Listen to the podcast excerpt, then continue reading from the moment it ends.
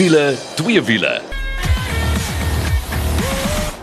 As jy daai klanke hoor, is dit tyd vir wiele twee wiele en ons is weer 'n volledige span. Ek is Janet, saam met my is Skaal en dan Nicole Lou, die derde lid van die Three Musketeers. Hallo manne. Hallo dame. Hallo, hallo. Altyd lekker om saam met julle te kuier en ja, Janet propvol program. Dakar is verby, maar ons is nog nie klaar gepraat daaroor nie. Ja ja ja, maar kom ons stel dit so. Ons gaan nou begin met 'n padtoets en dit was met Honda se WRV. So ons het hom bietjie vir 'n langtermyn gehad. So dit was nogal lekker om met hom rond te rit. En Nicole het hom ook ervaar? Ja, dis eintlik die wurf. Dit is hy. Is 'n maklike manier om dit te onthou. Ja, daar's genoeg dakker aksie die afgelope 2 weke gewees, maar die manne gaan vir my 'n vraag of twee vra net om Dakar 2021 af te sluit. Die tweede gedeelte van ons program, 'n baie interessante wenk wat vir jou 'n inspirasie is vir 2021. Ja, kyk, ons is in 2021, baie mense sê ons is in jaar 2020,1, maar uh, ek wil 'n bietjie inspirasie bring as jy 'n voertuig het en miskien is daar 'n meganiese probleem en jy skrik jou dood want jy die geld is min en dis moeilike vooruitsigte vir die jaar. Ons gaan vir jou 'n paar wenke gee om nie onmiddellik uh heeltemal depressief te raak nie. Daar's altyd 'n opsie. Nou toe, en dan natuurlik twee wiele aksie ook en ja, sekere mense hier langs my het weer 'n nuwe twee wiele projek. So ons gaan 'n bietjie raad gee oor wat moet jy doen as jy so 'n nuwe projek wil aanpak. Ja nee, daar's altyd goedjies waarna ou moet kyk. Party mense ehm um, weet gaan kyk fisies na die fiets voor hulle koop, maar uh, dan kry jy mense soos meneer Lou wat so nou en dan 'n bietjie waaghalsig is en uh ja, hom blind koop in aanhalingstekens. Ons gaan 'n bietjie gesels oor die moets en moenies en wat is die lysie? Wat is die belangrikste goed om te doen as jy so 'n projek aanpak? Nou kom ons spring dan weg met ons padtoets van die week. Honda se WRV of hoe sê jy? Wurf. Wurf.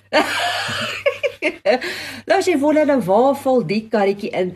Dis nou basies Honda se nuwe intree model kompakte sportnuts wat 'n groot segment is. Ek bedoel net om vir jou 'n idee te gee, die intree sportnutsmark verkoop basies 18% van die industrie.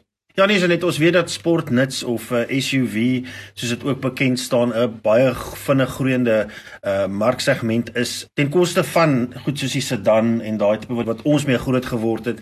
En uh ja, dit was vir my 'n baie lekker kar gewees in die sin van um grootte gewys. Jy praat van intree vlak, dis van daai wat ek altyd sê is 'n groot klein karretjie, maar um ek sou gedink het miskien 'n bietjie groter engine sou dalk gehelp het en ons was gelukkig genoeg om daai handrat te gehad het vir oor 'n maand. Dis reg, jy praat natuurlik natuurlik van die 1.2 engine, maar Nicole, jy sou graag wou gehad het daai 1.5 moet daar wees. Ja, net voor ek by die 1.5 engine kom, as jy nou wonder wat se karretjie praat ons van, almal ken die Honda Jazz. So hierdie is basies 'n Honda Jazz platform wat 'n bietjie gelig is. Dink 'n bietjie aan goed soos voorheen die Etios Cross wat jy gekry het of die Polo Vivo Cross. Dis so tipe karretjie soos 'n Jazz wat 'n bietjie gelig is. 'n Bietjie van hierdie hierdie swart modderskerms en so om meer avontuuragtig te laat lyk, maar is eintlik maar 'n Jazz. Ehm um, as ons kyk na die engine, dis vir my vreemd dat as jy nou gaan vir die SUV, dat jy nie gaan vir die grootste engine in die Jazz reeks dan nie, wat daai bekende 1.5 liter is met 88 kW en 145 Nm. Ons ken daai engine al so goed. Selfs my vrou se Jazz wat 'n 2009 model is, daai engine, hy's so lekker, hy ref so lekker, hy trek lekker, maar hulle het besluit om eerder die 1.2 te gebruik. En uh, ja, hy het nou maar net 66 kW en 110 Nm en is 'n bietjie van 'n klein engine. Ek dink ons is op die kus. Nou die ouens daar bo in Gauteng waar die lug bietjie dunner is. Ek dink by lae revolusies gaan hy sukkel, maar Janet, jy sê as jy hom begin ref dan loop hy. Maar jy ref mos enigiets. Ja dis die waar die okay dit is. Maar nee, weet jy wat, as jy nou die dorp ry met die Honda WRV, dan uh, is hy bietjie ja, vlieëg 'n groter enjinkie sou gewerk het, maar as jy hom eers op die oop pad ry, man, dan loop sy. En ons het nou so lekker tyd met die kar spandeer. Weet wat het Honda gedoen wat wel vir my uitstaan en is as jy kyk hoe lyk die kar. Ek weet jy sê nou dit is op die Jazz platform gebaseer wat dit is, maar die agterkant is uniek. Honda se doelmerk met hierdie WRV was reeds dat hy uitstaan bo die ander kompakte sportnutse. En nou die agterkant daai daai ligte lyk vir my soos hy hierdie ou telefoon handvatsel, hè? Ja, as net ek moet vir sê die lyne en die goed van die kar is is baie mooi en uh jy praat van 'n unieke agterkant.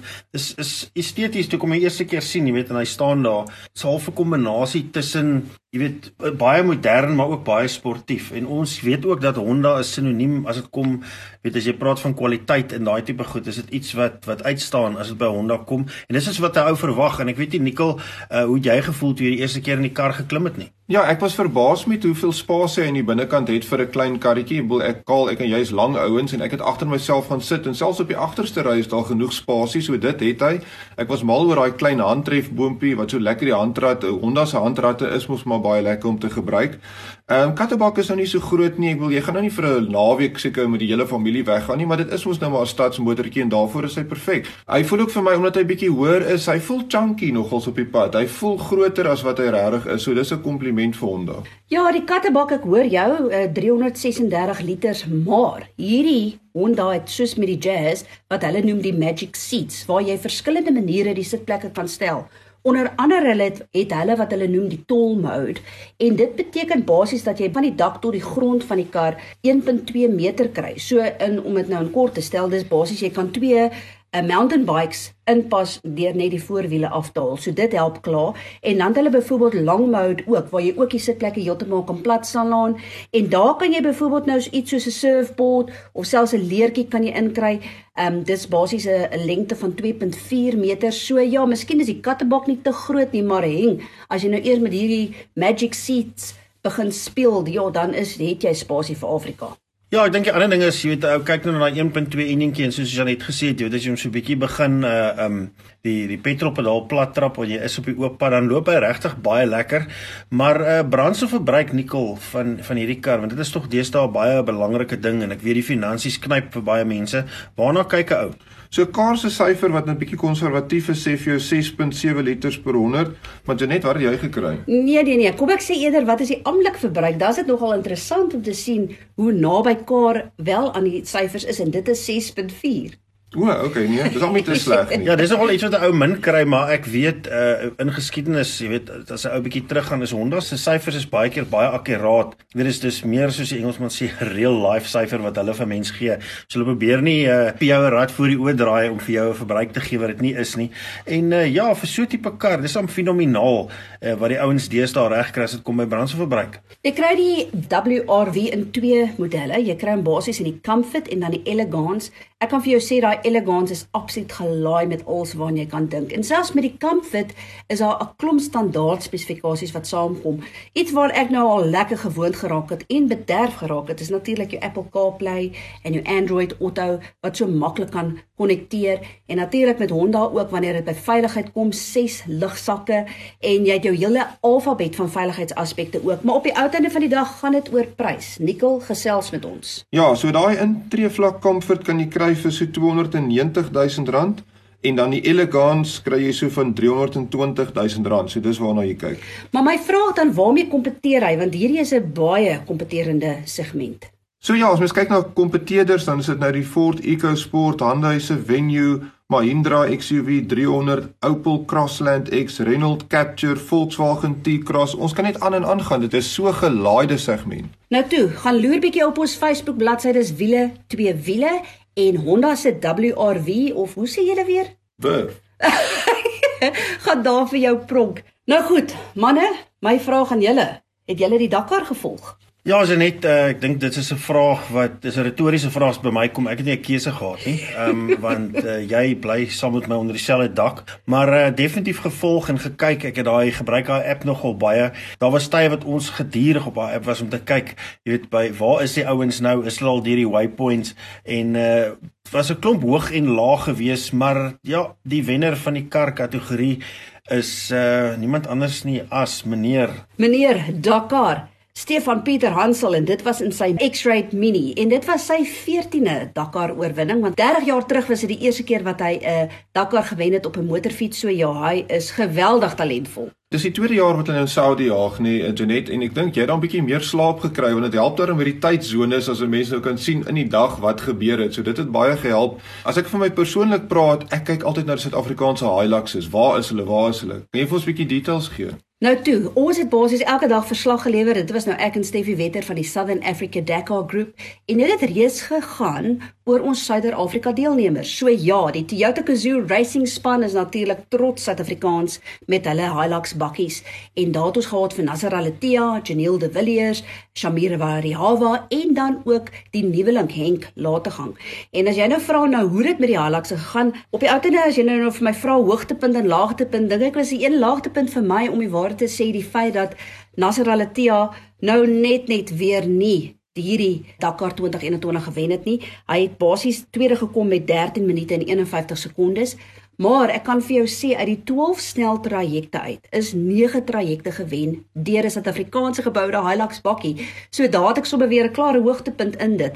Ek dink die ander laagtepunt ook vir my en Kaal, jy kan ook sê want jy het saam gevolg is, joh, daai nuweling in Rookie Henk laat te gang en sy navigator Brett Cummings. Nou hulle het nogal redelik opslag gemaak op die Suid-Afrikaanse veldren kampioenskap want hulle het nou al twee keer die kampioenskap gewen en glo my, Henk, ongelukkig tot voor hy gerol het, was absoluut daar voor saam met die topmanne. Ja, ons almal weet Henk is blitsvinnig en uh um, jy weet hy's nie bang nie. Hy hy ry letterlik. Ek dink hy en Nasser het baie dieselfde tipe uitkyk.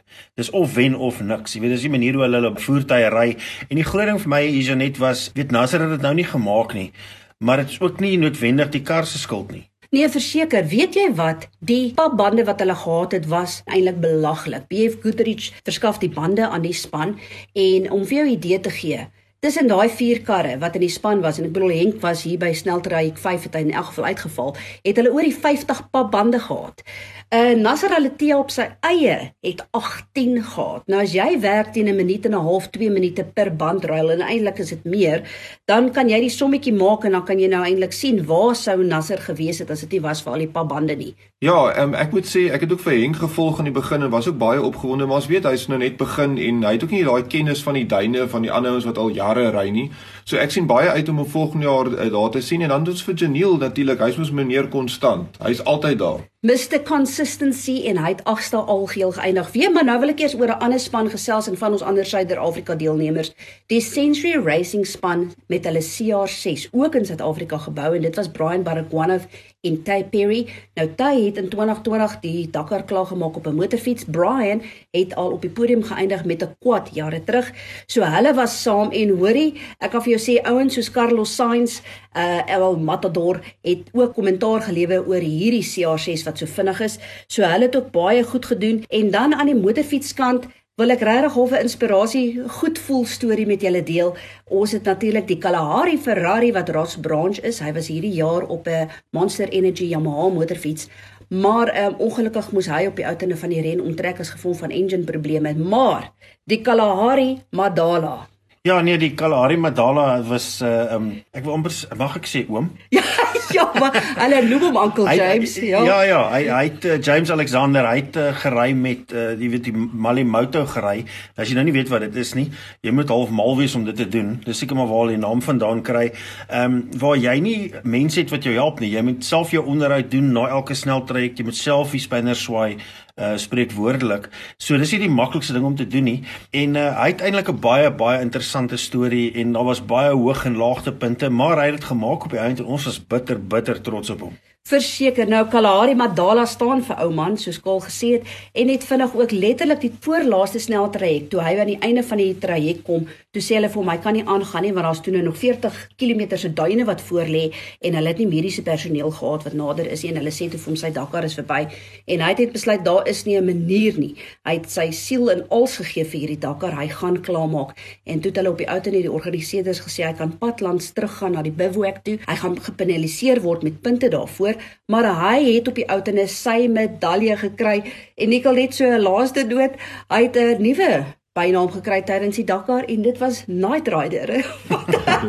ek dink daar's 'n hytjie vol trajecte wat hy nie klaar gemaak het in die donker nie. Ja, hoor jy, ons praat nou so ons vergeet skoon daarvan, maar uh, ja, die motorfiets kategorie is natuurlik deur Honda gewen. Yes, yes, die tweede jaar agtereenvolgend, maar hierdie keer was dit nie Brabek nie, dit was Benavides, maar ons is baie baie bly dat dit weer Honda is. Nou ja, toe, dit gaan uh, seker om baie braaivleisvure ge, gesels word want uh, ons weet hoe kompeterend KTM, Husqvarna en al daai goed is. So ja, kom ons kyk en ek dink Ross Branch volgende jaar op haar Yamaha. Ag, ek hoop tog regtig die motorfiets hou want dit was maar die groot kniehalter geweest was daai enjin wat nie gehou het nie. En uh, ja, dis dit vir die eerste helfte van wiele twee wiele en ons is nou weer terug en dan gaan meneer Nicol Lou vir ons bietjie meer vertel van uh, hoekom jy nie moet moed verloor in hierdie tye as dit kom by motoronderhoud nie en dan gesels ons bietjie twee wiele. Ja, as jy vlekvrye stal uitlaatstelsel soek al uh, as jy hom wil stilhou of as jy 'n bietjie oor jou kar moet praat, moet jy definitief 'n draai gemaak by Powerflow Belwel. Hulle kyk na alles wat jy nodig het. En uh, weet jy wat? Dis nie net 'n jaar waarog nie dis sommer 5 jaar. So 'n uh, vir beter werkverrigting brandstofverbruik en al Bellflow Bellwel dis die plek vir jou. En is so maklik soos www.bellflowbellwel.co.za as jy nou net ingeskakel het dit is wiele twee wiele en dit is Janet Kaal en Nicole wat saam met jou kuier. Maar nou eers tyd vir ons wenk van die week. En Nicole jy het 'n paar inspirerende woorde so in die begin van 2021 Ja, ek dink uh, daar's baie inspirasie daar buite nodig met die virus wat nog rondhang en mense kry swaar en werke is skaars en al die tipe van goeders. En uh die ergste wat dan kan gebeur kaal is jy ry en dan kry jy hierdie boodskap hier op jou instrumentpaneel, hier's iets fout en jy weet vir jou siel jy kan nie nou iets bekostig nie. Moet 'n mens jou doodskrik al. Man, ek moet vir jou sê Nicole, jy weet in in hierdie tye is dit baie moeilik en met moderne voertuie is nie soos in die ou dae wat jy uh stukkie plaat of blou draad kan gebruik om alles reg te maak nie. Maar dink wat gebeur as hierdie tipe ding gebeur soos die pandemie? Is daar's baie mense wat gedwing word om hulle in aanhalingstekens hulle eie ding te begin doen. En uh mense met ontsettend baie kennis wat dan besluit maar luister, ek gaan maar sommer 'n paar voertuie versien hier van my huis af of ek kry vir my 'n klein 'n werkswinkeltjie en uh teen 'n fraksie van die prys want jy het jy daai oorhoofse kostes nie. So die die groot ding is um ja, daar is baie mense wat wat kennis het en as daar iets fout gaan met jou kar, hey, hoe kyk maar 'n bietjie vra 'n bietjie rond van daai oom om die draai, weet dalk 'n bietjie meer as selfs die mense by die handelaarskap. Ja, Karl, ek dink jy jy slaan die spyker op die kop. Dit gaan oor kennis. Kyk, nie almal van ons weet baie van engines en karre en so aan nie. Ek weet niks van tuinmaak af nie, net byvoorbeeld. Wel, ek weet so, ding van kosbak af. so, ehm um, definitief as daar iets fout gaan met jou kar, probeer inligting inwin, soveel as moontlik. Ons almal is op die internet, ons almal Google Google 'n bietjie, lees 'n bietjie op. Ehm um, kry 'n bietjie inligting. Ek het dan 'n hartseer storie gehoor die ander dag van uh, hierdie van hierdie maatskappye wat jou kar kom koop by jou en dan gee hulle vir jou sommer kontant net daar en dis sommer 'n maklike proses. Laat hulle daar vir 'n persoon gesê het, weet jy, jou kar se het gegaan. Ons kan vir jou niks geld vir hierdie kar gee nie, amper niks nie. En amper het daai persoon daai kar laat gaan vir 'n fraksie van wat hy werd is En toe die persoon gaan om meer inligting te kry, bietjie toetse te laat doen, toe kom hy agter nee, daai head gasket is niks meer fout nie, dit was 'n slenter. So ek dink pasop, daar's mense daar buite wat nou eh, voordeel wil trek uit hierdie COVID uit en deur mense se se omstandighede en dan word daar hierdie tipe inligting vir hulle deurgegee. So kom ons sê inligting is definitief jou vriend hierso. En ook as jou voertuig uit waarborg is, moenie onmiddellik hardloop na die agent toe nie. Die agente ongelukkig Hulle doen baie goeie werk, dan net hulle uurlikse koste is baie hoog want hulle moet daai gebou betaal en alsoos wat Kaal gesê het, daar's baie spesialiste wat jy kan gaan sien. Kaal kan jy kan 'n bietjie vir ons vertel byvoorbeeld as jou katalitiese konverter oppak. Hoe duur is dit? Hoe duur kan dit vir jou kos? Ja, daai katalisators is bitter duur. Ek wil ek het al ehm um, kwotasies gesien vir oor die 90000 rand om die hele werk te doen. Hulle is gemiddeld maar hier rondom ek sal sê tussen 15 en 40000 rand vir 'n katalisator en met ons vuil brandstof in die land en ehm um, veral as dit kom kom by jou diesels met hulle diesel particle filters of 'n DPF soos wat hulle dit noem, is dit maar 'n probleem en uh um, weet ons werk daagliks met hierdie goed. Dis is ongelooflik hoe vuil hulle raak en hoeveel mense ons bel en sê maar luister die, die ding het 'n liggie gegooi of hy die of daai gesê. So dit raak 'n groot probleem. Die interessante ding is en ek weet ek het laas jaar, laat laas jaar gehoor van uh, die right to repair ding wat inkom hier van die middel van die jaar af Nikkel.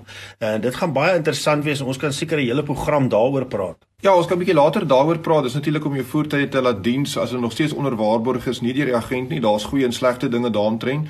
Maar kaal by Powerflow Belwel, ehm um, julle help mense uit met hierdie katalitiese uh, probleme en met DPFs en so aan. Daar's altyd 'n manier om dit reg te maak. En ons in Suid-Afrika is op Euro 2 is die wetgewing. Ons hoef nie uh, Euro 6 te hardloop wat baie karre van Europa afkom nie. So my ding daar buite is daar is altyd 'n ander opsie. Moenie onmiddellik in 'n depressie vir jouself inskrik nie. Daar is 'n opsie. Ja, nee, daar is altyd 'n opsie en iets wat jy kan doen om om hierdie tipe goed reg te maak of jy weet seker te maak daai liggie kom nie aan of die kar gaan nie in limp mode in nie. My elke motor is is uniek so jy weet ou my regte mense vra en die deskundiges bel en hoor of daar gehelp kan word want om Maring te vervang moet ek jou eerlikwaar sê ek weet nie hoeveel mense wat uh, voertuie ry en so dalk 'n los 30 of 40 000 rand om vinnige katalisator te vervang nie. Ja, 'n ander ding wat ek wil sê is weet jy hoeveel antwoorde is in jou eienaarshandleiding in jou kar? Ek kry baie keer 'n persoon wat sê, weet jy, ek het 'n liggie aan, dis 'n remliggie wat hier opgekom het.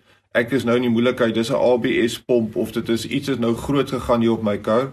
Dan kyk ons daarna en dan is die remvloeistof vlak net onder die vlak. Dan is dit al wat gebeur het is hy waarsku vir jou die remvloeistof vlak. Maar nou is dit nou die verkeerde persoon toe vat. Daai persoon wil miskien nou geld uit jou uitmaak en of jy enigiets vertel, maar as jy net jou eienaarshandleiding gevat het en gelees het oor daai liggie, dan jy jouself daai inligting vir jouself verskaf. So dis hoekom ek sê, inligting is hier is jou vriend hierso. Ja nee, definitief Nicole en uh, um, ek wil net sê jy het vroeër gesê Google is definitief jou vriend as dit kom by hierdie goed. Dis bitter min dat jy kry dat 'n spesifieke voertuig 'n unieke probleem het. Daar's definitief nog mense oral in die wêreld wat wat ook dalk al daai probleem gehad het. So gaan kyk 'n bietjie daar en uh, hulle het seker klaar die skoolgeld vir jou betaal. Maar nou, twee wiele, meneer Lou. meneer Lou het 'n nuwe projek aangeskaf so met die begin van 2021 So vir twee wiele wil ons nou eintlik vra die volgende. As jy nou so 'n projekkie aanskaf, waar begin jy of hoe sal jy nommer 1 eers weet waarna om te kyk? Ja, dit is net so, die ding het al weer gebeur, die gogga het gebyt. Ek het te veel op hierdie advertensies gekyk en toe sien ek 'n ding.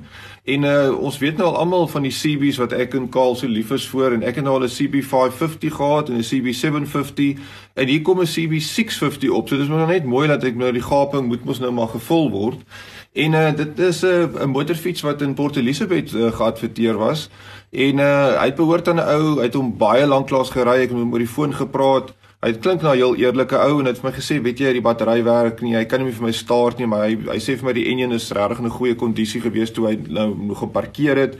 Maar nou ja, jy vat maar 'n risiko, maar dit gaan oor wat betaal jy vir die motorfiets. Jy moet in jou kop moet jy nou uitwerk wat kan nou als verkeerd wees en wat kan jy vir hom betaal, maar dit bly maar 'n risiko kol. Ja nee, sonder twyfel, ek wil jy moet baie versigtig wees vir alles wat met ouer motorfietsse kom want dit gaan ook oor die beskikbaarheid van van parte vir hierdie motorfiets. So ou moet maar maar mooi gaan loer en jy weet as mense dit al 'n paar keer gedoen het soos jy Nicole, het jy so 'n aanvoeling. So ou kan kyk na die foto's, as 'n paar goed wat jy self kan doen. Jy gaan byvoorbeeld ehm um, by die engine self mooi blink maak met die regte goed en uh um ek dink as jy so fiets koop, die heel belangrikste ding is is kry hom eers aan die gang. Maar voordat jy enigiets doen vir alles hy lank gestaan is, is nuwe olie, nuwe oliefilter, As jy so ver wil gaan, kan jy nuwe vonkproppe insit. Ehm um, dreineer maar die die brandstof want brandstof het ook maar 'n rak leeftyd en dit kan baie vinnig, jy weet, in al ons tekens afgaan. Dan uh, sit jy maar dit in en as hy 'n uh, petrolfilter het, het daai ook en dan ja, soos jy nou sê, jy het 'n nuwe battery ingesit. Swaai hom 'n paar keer en uh, as jy gelukkig genoeg is soos jy, dan start hy sommer vinnig. Ja, en ons kan sommer nou luister na hoe klink hierdie CB650.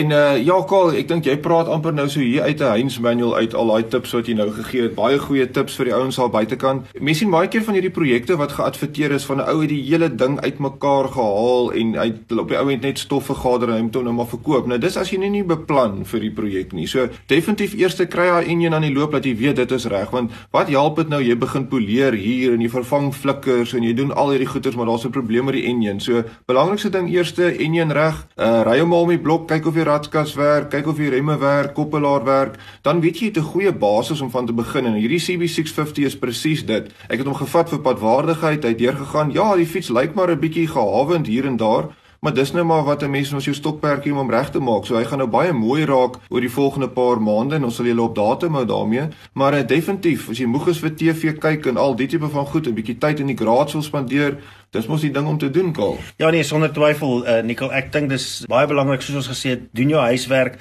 maak seker die meganika is reg. Dokumentasie ook 'n groot ding, maak seker jy het die regte papiere en daai tipe goed. En ehm um, vra rond. Ons het net al gepraat van Google en goed ook. Uh dis ongelooflik hoeveel parte daar nog beskikbaar is vir ouer fietses. Jy moet net so 'n bietjie gaan uh huiswerk doen en gaan rondkyk, maar um, ja, ek kan nie wag om te sien hoe hierdie CB650 is. Natuurlik 'n Honda sy gedaantige verwisseling gaan ondergaan nie. So ja, Nicole, ehm um, die druk is op jou. So al wat jy nou moet doen is gaan loer bietjie op ons Facebook bladsy, dis wiele twee wiele. Hoe lyk hierdie CB650? Maar die voor En soos die projek ontwikkel, sal ons natuurlik ook vir jou meer en meer foto's daar sit. Ouens, dis al vir hierdie week se wiele twee wiele. Julle weet wat om te doen tot volgende week toe. Hou daai wiele aan die rol.